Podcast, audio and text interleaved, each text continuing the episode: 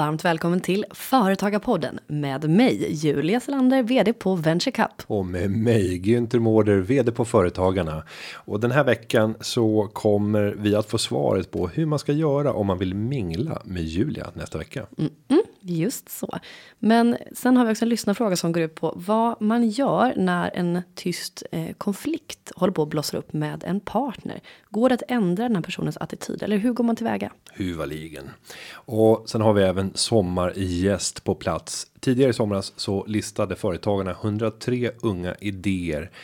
Företag som drivs av unga entreprenörer som kommer att påverka det kommande decenniet. Ni kommer att få möta Ibrahim Naji som har gett sig in i utbildningsbusinessen för att göra ungdomar mer anställningsbara inför framtiden och även lösa företagares problem. Mm, och det här är alltså Företagarpodden, podden för dig som är eller vill bli företagare. Och tanken är att vi ska hjälpa dig att bli mer framgångsrik. Håll i er, nu kör vi! Hej Günther, hej Günther, Hallå, i månens sken. Ja, nu har uppladdningen redan börjat. Du är i eh, extas här inför Almedalen hör jag, eller? Ja, absolut, Mm. bland annat. Du då? Eh, mycket. Eh, på lördag åker jag eh, dit, blir där en vecka till lördag veckan efter.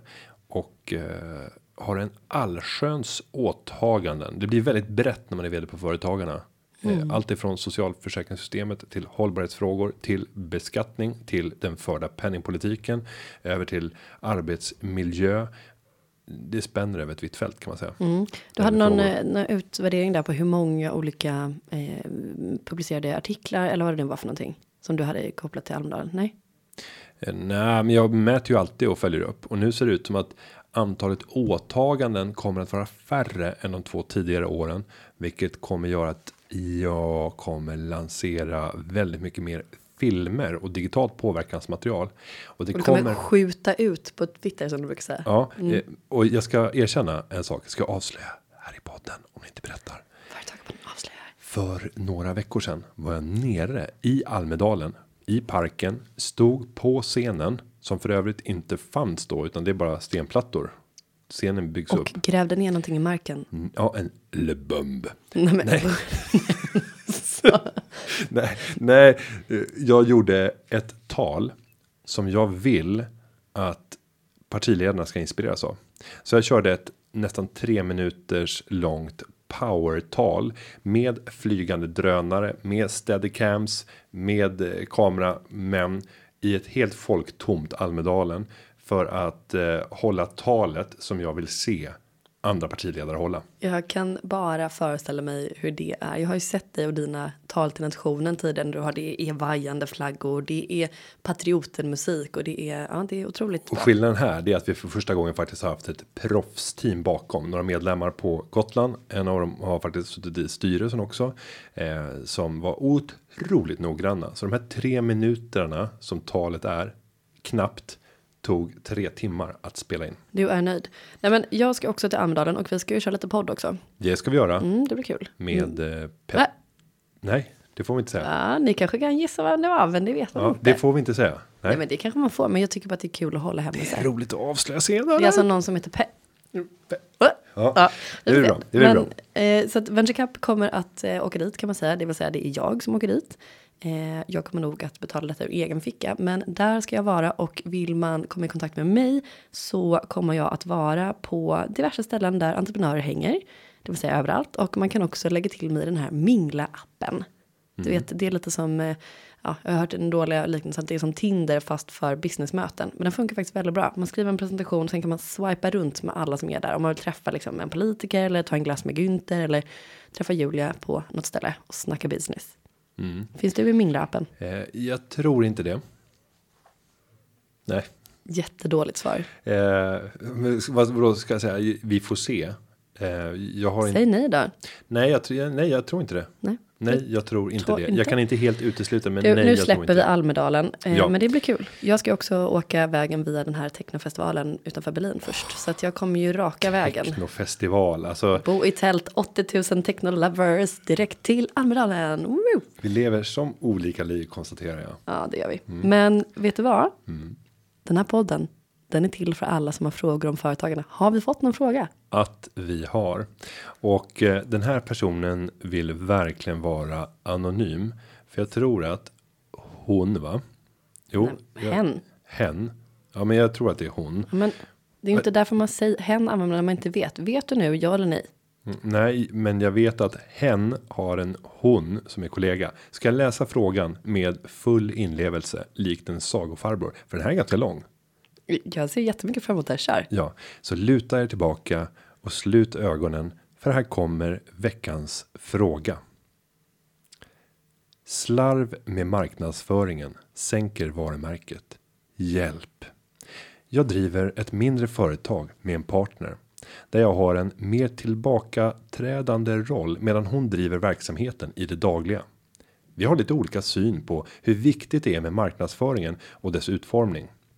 Det vill säga hon tycker att det viktiga är att det är gott det vi serverar. Vi har ett företag inom matservering kan man säga.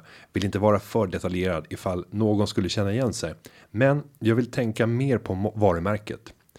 Jag skulle vilja satsa betydligt mer på marknadsföring, till exempel annonsering, snygga menyer, inredning etc. Eftersom jag är övertygad om att det vi gör kommer att få fler kunder. Och att det vi gör är enhetligt och proffsigt. Hon är dock helt säker på att det räcker med att maten är god. Vem bryr sig om menyerna är gjorda i WordArt med töntiga bilder alla 1997 och hon vägrar lägga en enda krona på att förbättra detta. Jag hade gärna skött allt sånt själv, men jag har dels tidsbrist då jag har ett annat företag att sköta också och dels så gör hon ändå som hon vill så snart jag vänder ryggen till. Vilket gör att mycket ser ut som skräp om vi ska vara ärliga. Från skyltar med stavfel till gardiner. Hur ska jag få min kompis att förstå att vi behöver lägga mer pengar och tid på marknadsföring och varumärket? Till saken hör att vi inte har några större pengar att lägga ut på detta. Verksamheten går okej, men kunde gått betydligt bättre om vi skulle kunnat förbättra varumärket, tror jag. Jag är ingen person som vill starta bråk heller och vår relation är helt okej i övrigt. Vore tacksam för hjälp med argument om hur jag kan få detta att fungera. Vänliga hälsningar Anonym.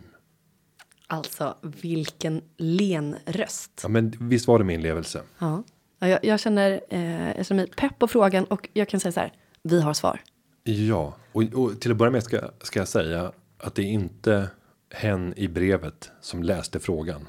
Det är alltså inte du. Nej, Nej, eh, men jag, men jag känner med hen. det gör jag också. Och För- nu använder du hen på exakt bra. Var det bra? Utmärkt sätt. Mm. Nej, för nog tusan kan man känna igen sig i situationer i livet där man har liksom en relation med någon i i det här fallet i professionellt sammanhang. Mm, Man har ja, där man inte riktigt vill säga eller man vill inte såra.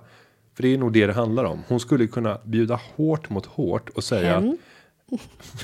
Ja, där fick du mig. Nej, det fick jag inte. Nej, men förlåt att Mm. jag avbryter, men jag absolut, för jag blir så ivrig att prata kring det, för att det är en otroligt viktig fråga eh, som är snarare psykologisk, tänker jag. Alltså, det är väl, det är väl så att eh, hen har tänkt att kollegan, som också är en kvinna, det har hen skrivit, eh, kommer ändå inte att göra som den vill, utan fasen, okej, det blir jättetöntigt om jag ska säga hej hen hela tiden. Ja, jag, jag ger mig. Ja, eh, personen. Anonym, yes. Eh, anonym eh, kanske har kalkylerat i huvudet att det spelar ingen roll om jag blir arg, om jag försöker manipulera, om jag ber, om jag säger ifrån. Utan jag tror inte att den här personen är en fegis som inte vågar ta en konflikt. Jag tror snarare att den personen tänker att det spelar liksom ingen roll. Så att minsta möjliga energi på det här för att det kommer ändå ge samma effekt. Och då vänder man sig till Företagarpodden. Och jag har lite lösningar. Har du också det? Ja, innan du kör din lösning så tänker jag en radikal lösning. Det är så här. Skit i det. Alltså låt henne få köra sitt race. Om verksamheten går okej. fokusera istället all din energi på det andra företaget. Och gör så mycket eller så lite som behövs. För att bara underhålla att det här blir en okej relation. Du behöver inte signa in på liksom allt som görs. Eh, I det här läget. Det är hon som blir ansiktet utåt. Du är med som en delägare. Låt det vara. Fokusera på annat. Det är en väg. Ja, absolut. Fegis, fegisväg. Kan Ja, men säga. kanske rationellt. Ja, om man vill undvika konflikt. Om man inte vill. Men sen förstår jag. jag menar, den här personen längtar ju efter att realisera den fulla potentialen som finns och då hoppas jag att din lösning är mer liksom, orienterad för framgång än vad min var. För det var den inte i just det här företagets fall då. Men jag tänker att när man skapar förändring och eh, ska försöka övertyga någon om något, då är det alltid bra med underlag. Så att det vore ju fantastiskt om man skulle kunna mäta det här på något sätt. Om man kan mäta kundupplevelsen hos eh, den här då som verkar vara catering eller eh, någon form av eh, Servering. servering. Ja, men vi säger att det är ett, ett kondis eller ett, ett fik. Det är enklare servering och då tänker jag så här att mäta det. En sak som är lätt att mäta. Det är ju till att börja med att bara göra studier över hur ser beläggningen ut. Det kan man göra. Titta, göra nedslag. Man kan göra det väldigt lätt för sig. Du skriver så här klockan 12.00, 12.30, 13.00 och så fyller du i hur många personer vistas i lokalen. Så får du liksom en känsla. Det finns till och med sådana här bra räkneverk för det där som räknar hur många som befinner sig. Då kan du se flödena. Det är en typ av information. Mm, och också hur mycket du har sålt vissa dagar och du kan dra slutsatser av det. Vilka veckodagar, vilka tider som du säljer mest. Sen kan du studera hur länge sitter de här personerna genom att välja ut ett antal som du pinpointar för att mäta hur länge stannar en enskild gäst hos dig och sen använda det okulära. Titta ut på församlingen. Vilka är de? Är det män, kvinnor? Vilken ålder befinner de sig i? Hur går de klädda? Vilka andra attribut finns som skvallrar någonting om deras livsstil, deras eh, betalningsförmåga? betalningsförmåga? Är de affärsfolk? Är de pensionärer? Är de eh, ungdomar?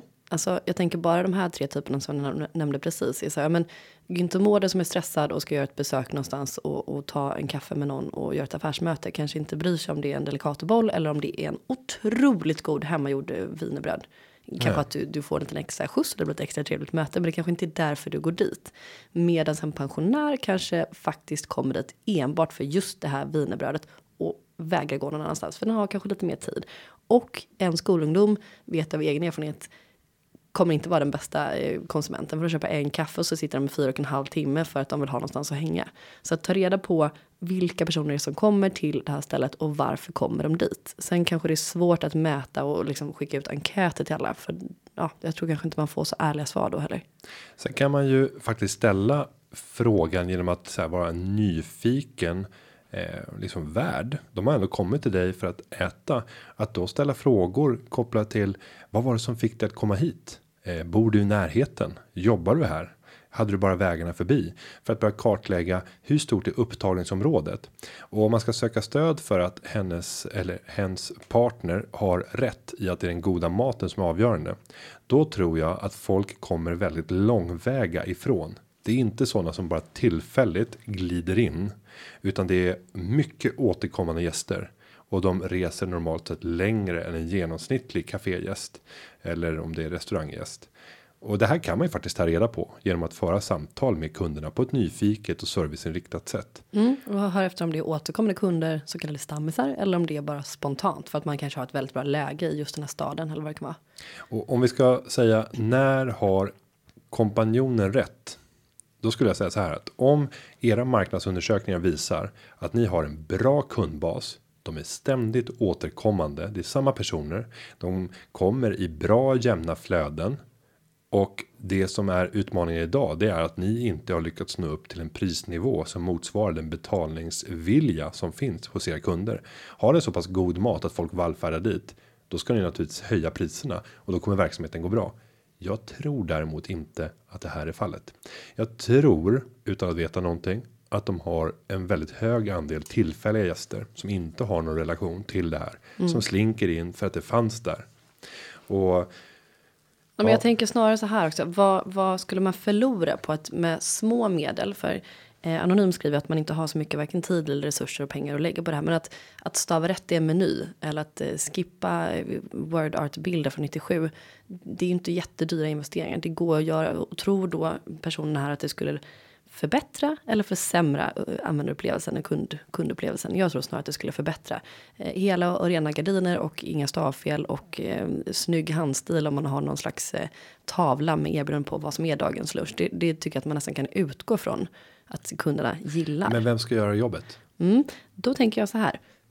Det handlar ju snarare om att ändra motivationen på kollegan. Hon verkar inte superintresserad av att höja de här små sakerna utan saker och ting är bra som det är och det kan så vara. Men att försöka få henne att ändra på sig.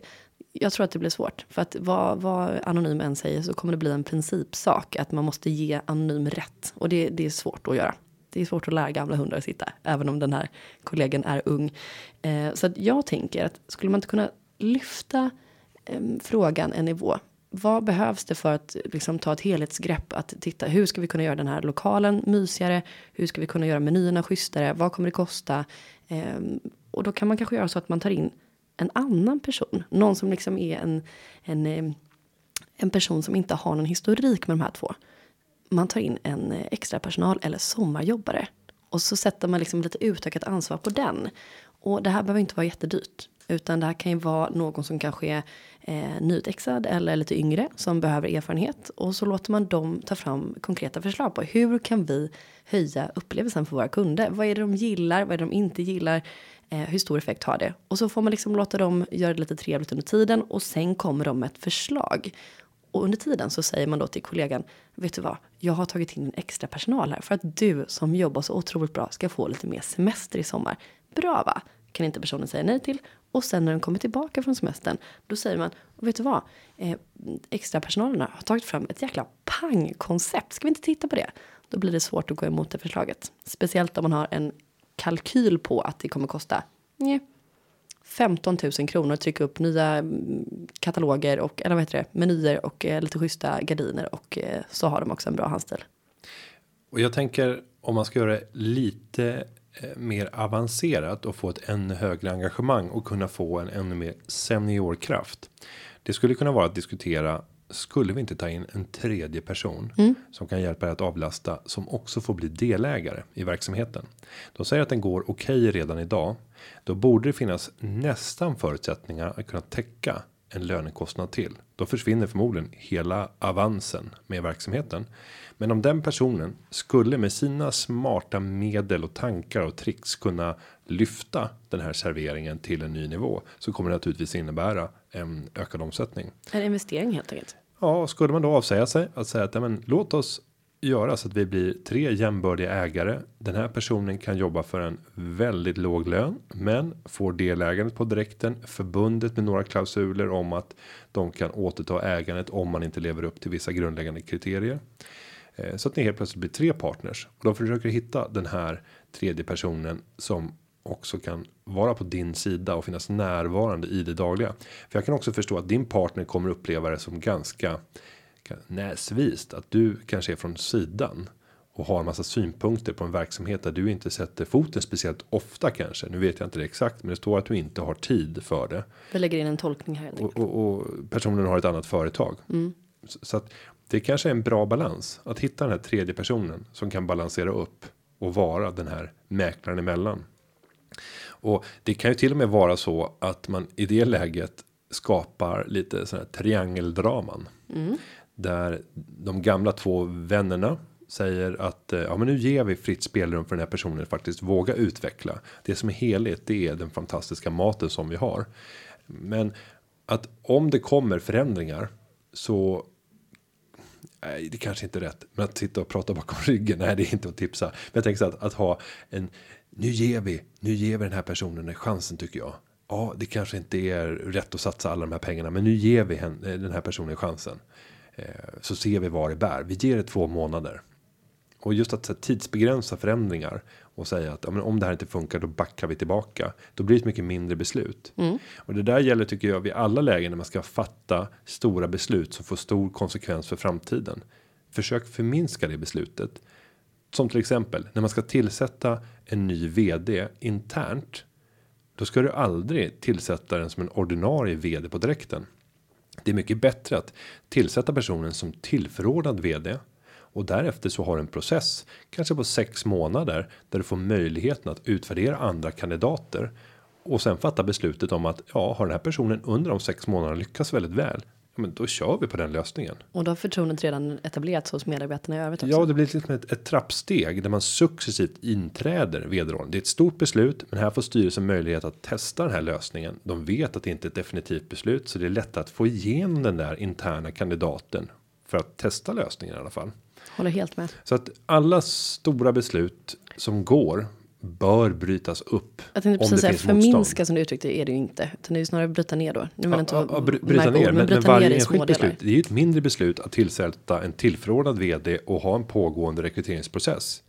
Eh, än vad det är att fatta beslutet att vi tillsätter den här interna personen som ny vd. Mm, sant. vi Så har att om minskat du som beslutet. lyssnar är tillförordnad på något. Så du att- sannolikheten är hög att du testas just nu för att se om du är av det rätta virket. Exakt. Sen finns det också en annan pedagogisk dimension i det här och det är att personen kommer känna sig mer liksom stadgad vid sin roll och känna att jag är rätt person på jobbet. Om man dessutom har haft en pågående rekryteringsprocess och tittat på externa kandidater. Om man omedelbart när den tidigare vdn slutar tillsätts som ny vd. Då vet man inte om man har testats mot andra. Var jag bara den som fanns till hands när det här behovet uppstod. Eh, Så att det blir också en styrka för den som har gjort vandringen. Okej, men om vi ska sammanfatta här nu till anonym. Det handlar sannolikt om Eh, alltså, vad ska man säga? Alltså dynamiken mellan er två. Vi tror kanske i företagarpodden här att det blir svårt att gå in och styra och detaljpeta för att det kanske inte faller så god jord. Försök att hitta någon extern person som kan vara med och skapa den här förändringen och se om det funkar. Och ta också reda på vad är det för typ av eh, kunder? Hur länge är de där? Vad köper de för någonting? Hur tror vi att de vill ha det helt enkelt? Och sen tycker jag gå och gör motsvarande marknadsundersökning hos en närbelägen konkurrent. Hur ser det ut där? Hur länge stannar gästerna? Hur många gäster har de? Vilken typ av gäster? Och ställ dig frågan rent retoriskt. Är det så att vi vill ha delar av de kunderna som finns hos vår konkurrent? Vad kommer krävas av oss för att de ska välja oss istället för det, den serveringen de går till i dagsläget? Så att eh, ja, bestäm dig först för hur mycket energi vill du lägga på det här? Jag skulle vara för lat. Jag Så du skulle välja ditt jag första skulle gå på min linje. Skitsamma. Jag bara säger ja, strunt samma. Det är inte det här som kommer få mitt liv att flyga. Om den här serveringen kommer gå 10-20% bättre eller 30% bättre. Det kommer ändå inte vara det som avgör. Jag tror att personen har ett annat företag som rymmer större potential. Mm. Eh, och då kan man vara med. Ni kan vara goda vänner. Allting blir frid och fröjd. Jag hade nog valt det. Men Mm. jag tror att du hade valt någonting annat. Jag hade valt något annat, men det är också för att jag är, tror det eller ej, perfektionist och jag vill, alltså har man liksom sitt finger med i spelet i en eh, inrättning där det finns stavfel i menyerna, det hade jag aldrig tolererat. Mm. Men då får man vara lite sneaky och det kommer ta tid, men det kommer bli bra. Jag tror också att insatsen att göra det här är inte så enorm. Jag tror att det kan ge stor effekt. Jag hejar på dig anonym. Håll ut. Ja, kör. Och nu ska vi gå vidare till den här poddens eh, stora gäst. Tidningen Företagaren har listat 103 unga idéer. Mannen bakom det, här, det företag, företaget vi nu ska få stifta bekantskap med heter Ibrahim Naji och vi hälsar honom var, varmt välkommen till Företagarpodden. Då hälsar vi sommargästen Ibrahim Naji välkommen till Företagarpodden. Tack så mycket. Eh, nu måste du berätta. Du blev ju listad som en av de 103 unga spännande idéerna och de entreprenörerna som ligger bakom det här. Vad är det du gör för någonting? Jag driver ett eh, edtech-företag. Så det vi gör är vi knyter en aktiv samverkan mellan skolan och näringslivet. Eh, där liksom elever får lösa på liksom riktiga problem i näringslivet, riktiga världsproblem. Eh, istället för att lösa på liksom icke-existerande problem. Så edtech är alltså education tech. Ja. Det finns många olika typer av tech nu för tiden. Precis, precis. Men, men, men okej, nu tar vi det tillbaka. Det var ju ett tag sedan jag gick skolan. Eh, jag älskar att säga det för jag känner mig så gammal då. Eh, men så själva problematiken som ligger till grund för, för företaget är att Det är att, det är att eh, majoriteten av nyexaminerade är oförberedda inför arbetslivet. Och det är just på grund av att det är så otroligt mycket teori i skolan och så otroligt lite praktik i skolan. Eh, och det går inte ihop. Liksom, vi, vi, vi lever i en så snabbväxande värld där allting förändras så otroligt snabbt. Men ändå så har vi liksom fastnat i det här traditionella fyrkantiga skolsystemet som inte förbereder oss inför arbetslivet. Det är, så, det är liksom jättemycket teori men, men det går inte hand i hand med praktiken det känns som att det är en liksom allmänt vedertagen uppfattning om att säga, ja men du pluggar i skolan, sen tar du examen och då kan du i princip ingenting. Men, eller du kan teori, jäkla massa teori. Och sen så har du det som en grund för att få komma på en intervju. Och där blir du kanske anställd och då börjar de från scratch hos bolaget och då får du lära dig allting där och då. Precis. Men ni kanske vill göra en lite mer, en bättre transition där då. Ja, men liksom, om, man, om, man, om, man, om man tänker på liksom hur mycket tid vi spenderar i ett klassrum. Liksom om, du, om, om, om du spenderar mellan 8 eller 10 timmar i klassrum fem dagar i veckan. Det ska ju vara självklart att du ska liksom vara eh, redo för arbetslivet när du tar examen. Liksom Ja. det, det, de resurserna ska ju finnas i klassrummet. Men ändå så har vi liksom eh, majoriteten av eleverna måste ju liksom söka ut sig till eh, liksom andra tjänster utanför skolsystemet. Eh, för att vara liksom, ja men liksom för att förbereda sig. Men hur började det här? Nu, nu, jag hör att du också är eager att ställa frågor Günther, men, men hur, bara attackera. Men hur, hur började, för någonstans så låter det som att det föddes ur en frustration från ditt håll. Definitivt. Och hur tar man steget från frustration till att faktiskt skapa ett bolag som det går väldigt bra för och man hamnar på företagarnas eh, lista. Hur var första liksom, steget? Jag, vet, jag växte upp som dyslektiker. Jag hade ingen aning att jag var dyslektiker förrän jag var 20 år gammal. Eh, det gick inte så bra för mig i skolan. Liksom jag, jag var ingen MVG-elev direkt. I, liksom gick jättebra när det kom till det tekniska eller till, till det praktiska. Eh, när vi liksom lite smuts under naglarna, men när det kom till standardized testing gick det inte bra alls. Och om man liksom tänker på det, det finns så otroligt många liksom karaktärer och personligheter i ett klassrum. Men ändå har vi liksom ett enda standardiserat sätt som vi mäter vår intelligens på. Det är sjukt. Eh, det ska inte vara så. Eh, vi, liksom, vi, vi är ju intelligenta på så otroligt många olika sätt. Men än en gång så har vi ett enda sätt som vi mäter vår intelligens på och, och vi har ett enda sätt som vi mäter på liksom, hur förberedda vi är inför att ta an ett visst jobb. Eh, så det är väl där liksom frustrationen kommer. Det finns miljontals människor som är. Jag är inte den enda. Och nu har ju du målat upp problembilden ganska effektivt och jag tror att de flesta omedelbart kan skriva under på att ja, den här problembilden stämmer.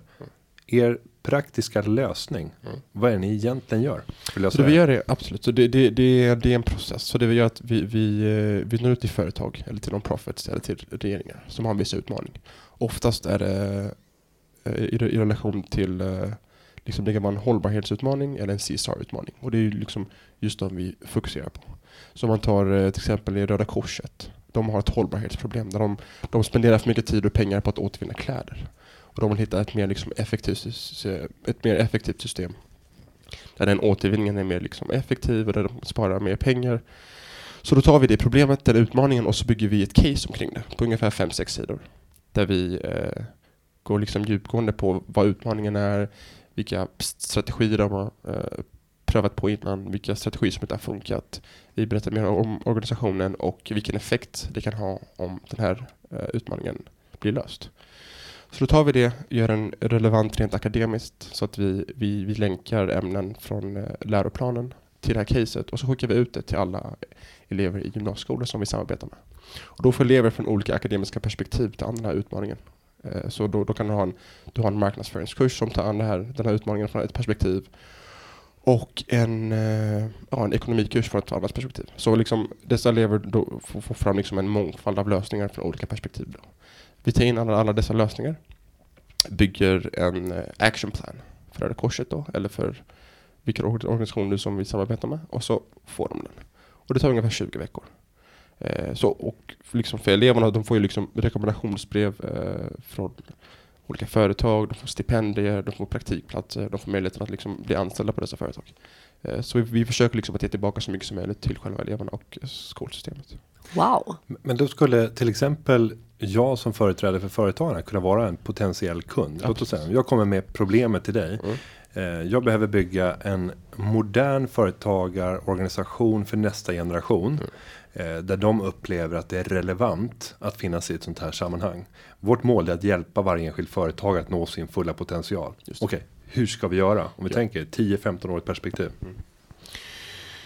Det är ju eh, Hade Det- det varit en det- rimlig uppgift? absolut, Ja. absolut. Det är li- liksom, eh, vi, vi, liksom varje utmaning är ju, är ju liksom eh, vi kan bygga upp varje utmaning. Liksom det, det, det kan vara liksom ett, en, en jätte, ett, liksom ett, ett, ett, jättekomplicerad utmaning men vi tar an den och med, liksom, med hjälp av våra inhouse skribenter och, och konsulter så lyckas vi liksom bygga upp ett case som är förståndigt för just elever. Eh, så absolut.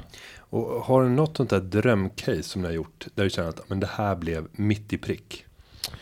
Och där blev verkligen en, en perfekt match mellan också vad eleverna kunde bidra med. För det är ju det är ganska avancerat. Det var ju precis sånt här som jag, satt och pluggade när jag var på Harvard. Då fick vi såna här case.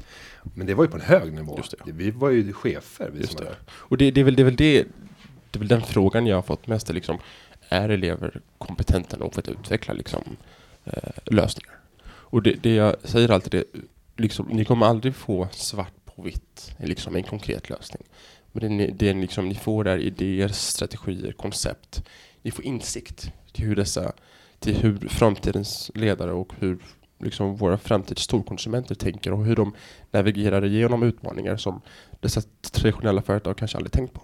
Så det är liksom just den insikten, just de idéerna, just de strategierna som dessa ja, unga elever kommer fram med. Som, som, som är liksom, det, det jag, liksom, jag säger alltid till, till, eh, till företagare, om, om, om inte du kan anpassa dig efter vad framtidens ledare vill ha, efter vad framtidens storkonsumenter vill ha, så kommer du dö ut om 5-10 år. Liksom den, den, den insikten är så otroligt viktig för att ett företag ska kunna liksom, ja, men hållbart kunna överleva i 5, 10, 15 år. Eh, och när du lägger fram det på det sättet, att, att liksom, den insikten är, är vad som kommer hålla dig liksom i liv. Eh, så, eh, så nappar de. Men för att svara på din fråga, vi, vi hade, jag kan inte nämna vilket företag det var, men vi hade ett eh, stort elbolag som, hade, som ville bygga en plattform där deras eh, kunder kunde hålla koll på hur mycket el de spenderade, hur mycket de spenderade på deras räkningar och hur mycket de kunde spara. Eh, så efter ungefär 15 veckor så hade vi det var en, en konkret lösning och en tydlig handlingsplan. Då hade ungefär 70 elever löst de här problemen. Och efter ungefär sex månader senare så hade den implementerats och börjat bygga på. Så det, det, det, går. Mm. Och, och, och, själva business caset, är det företagen som vill ha de här lösningarna eller regeringar eller, eller ideella organisationer? Mm. Är, är det de som finansierar hela modellen eller får skolorna också betala för att få använda materialet? Precis.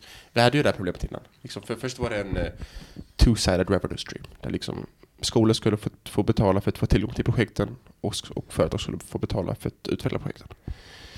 Men vi kom ju på det så snabbt att skolor har inte den här budgeten.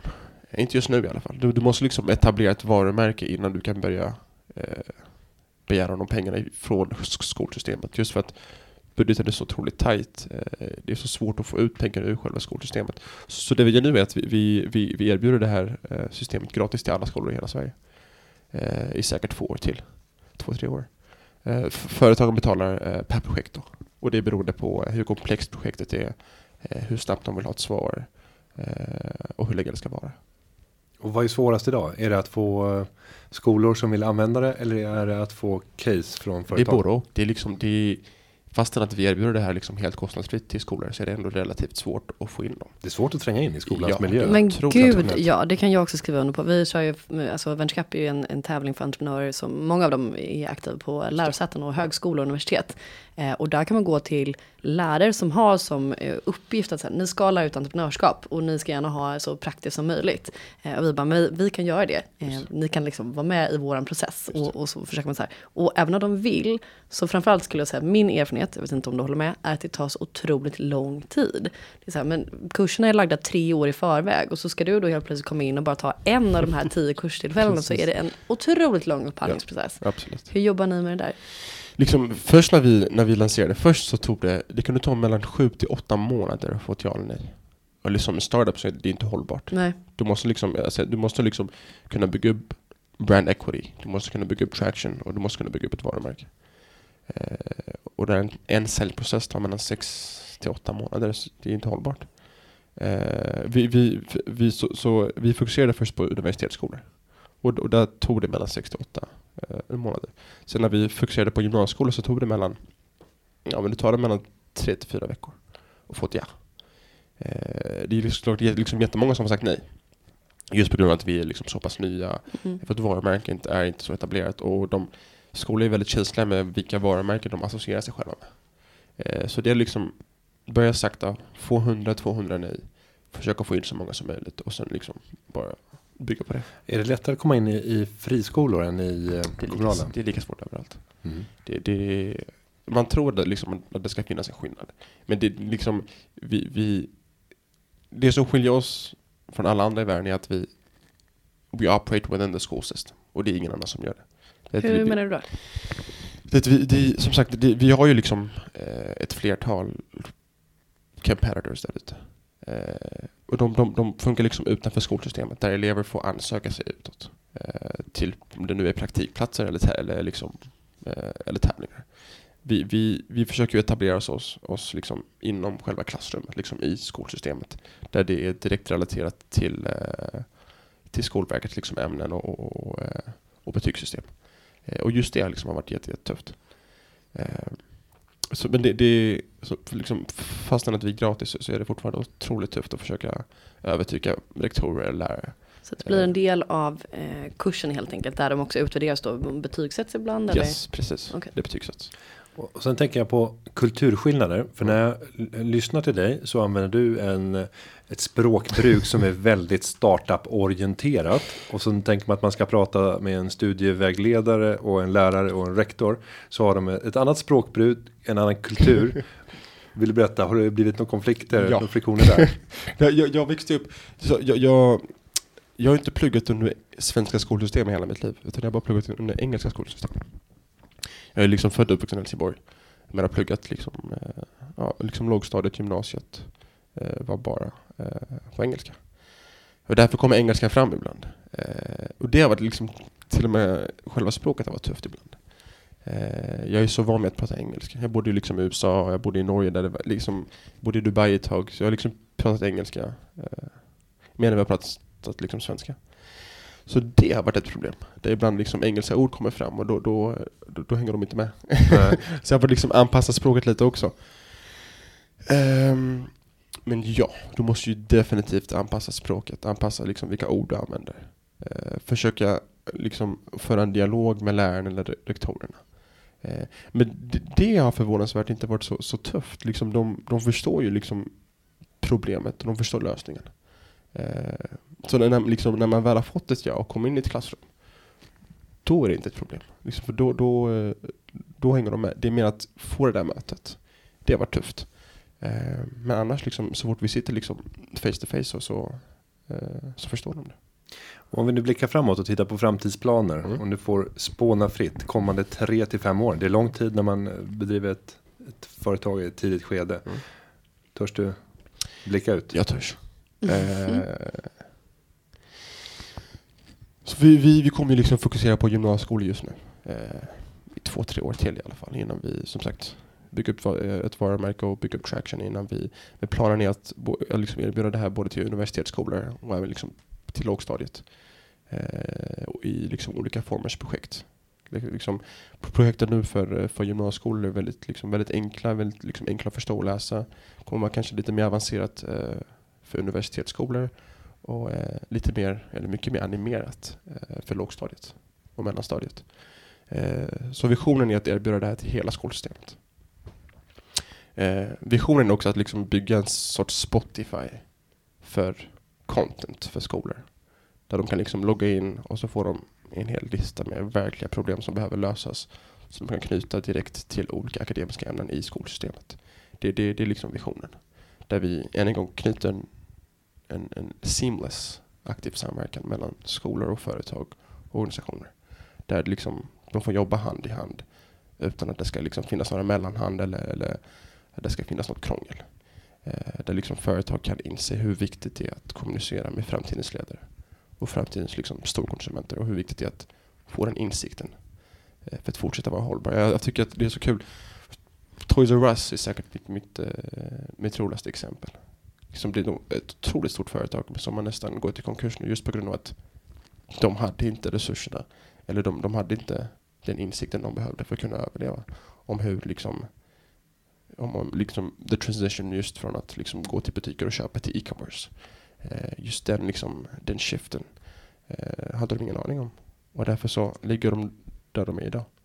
Så just att erbjuda företag och regeringar insikten till hur eh, vi kommer att transition från vad vi är nu till om fem år. Och om du tar det i gapet då? Om eh, att få befinna sig där i framtiden och där ni befinner er idag. Vad är det för eh, avgörande faktorer som kommer att eh, avgöra om ni kommer att lyckas? Ta er dit. jobba hårt. Det är, jag, jag, tror det är så otroligt många. Och vad ska man jobba med? Vilka är de viktiga frågorna att jobba med och jobba hårt inom? Du är ju en startup. Du, du, du har inte 200 anställda. Eh, det är allt. Liksom, ibland så brukar vissa människor fråga mig, ja men vad gör du för något? Och då säger jag, jag är vd och grundare för ett techbolag. Ja men liksom, vad, vad, vad är din roll i bolaget? Allt.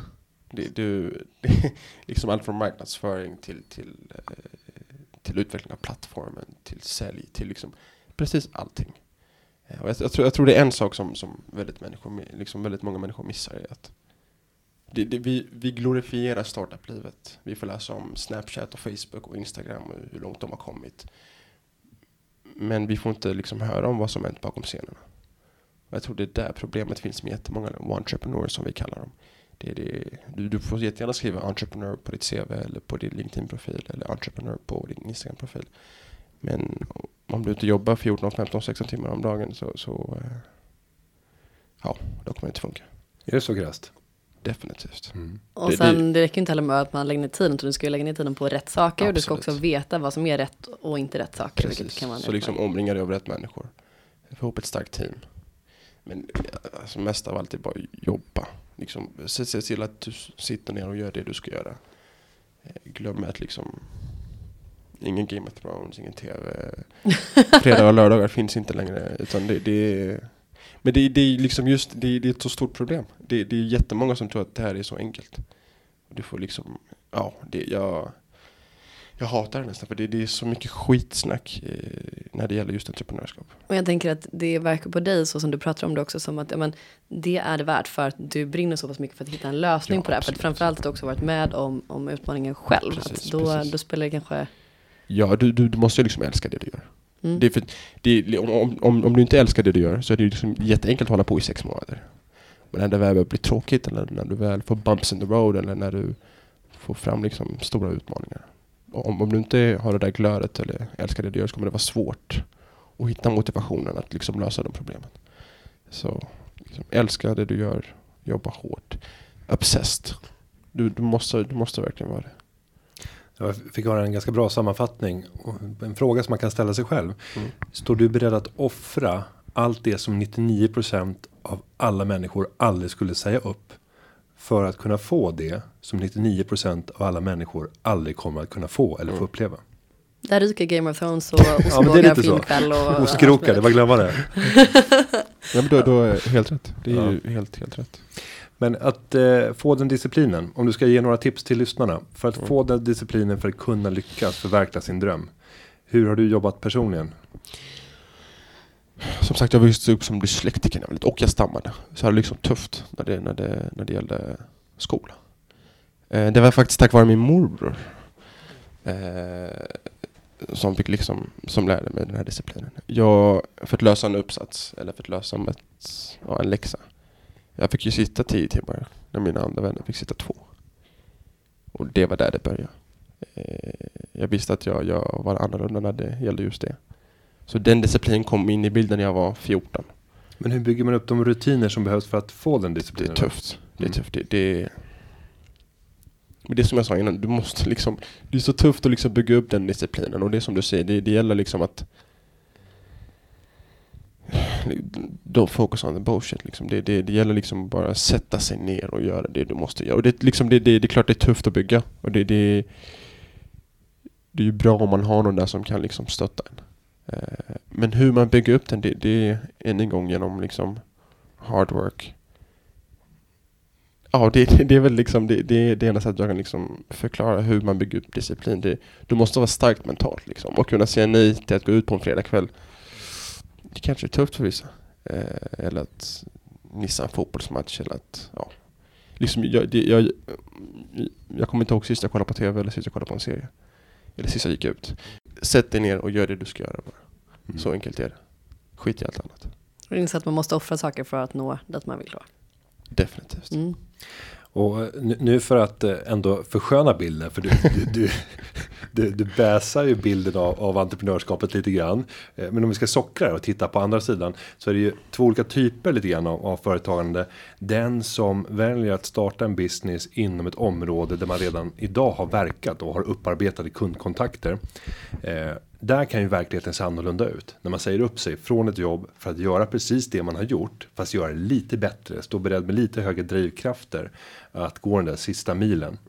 Eh, så det blir lite olika när man startar någonting helt nytt från grunden där det inte finns någonting att ta på. Det finns inga kunder, det finns ingen produkt.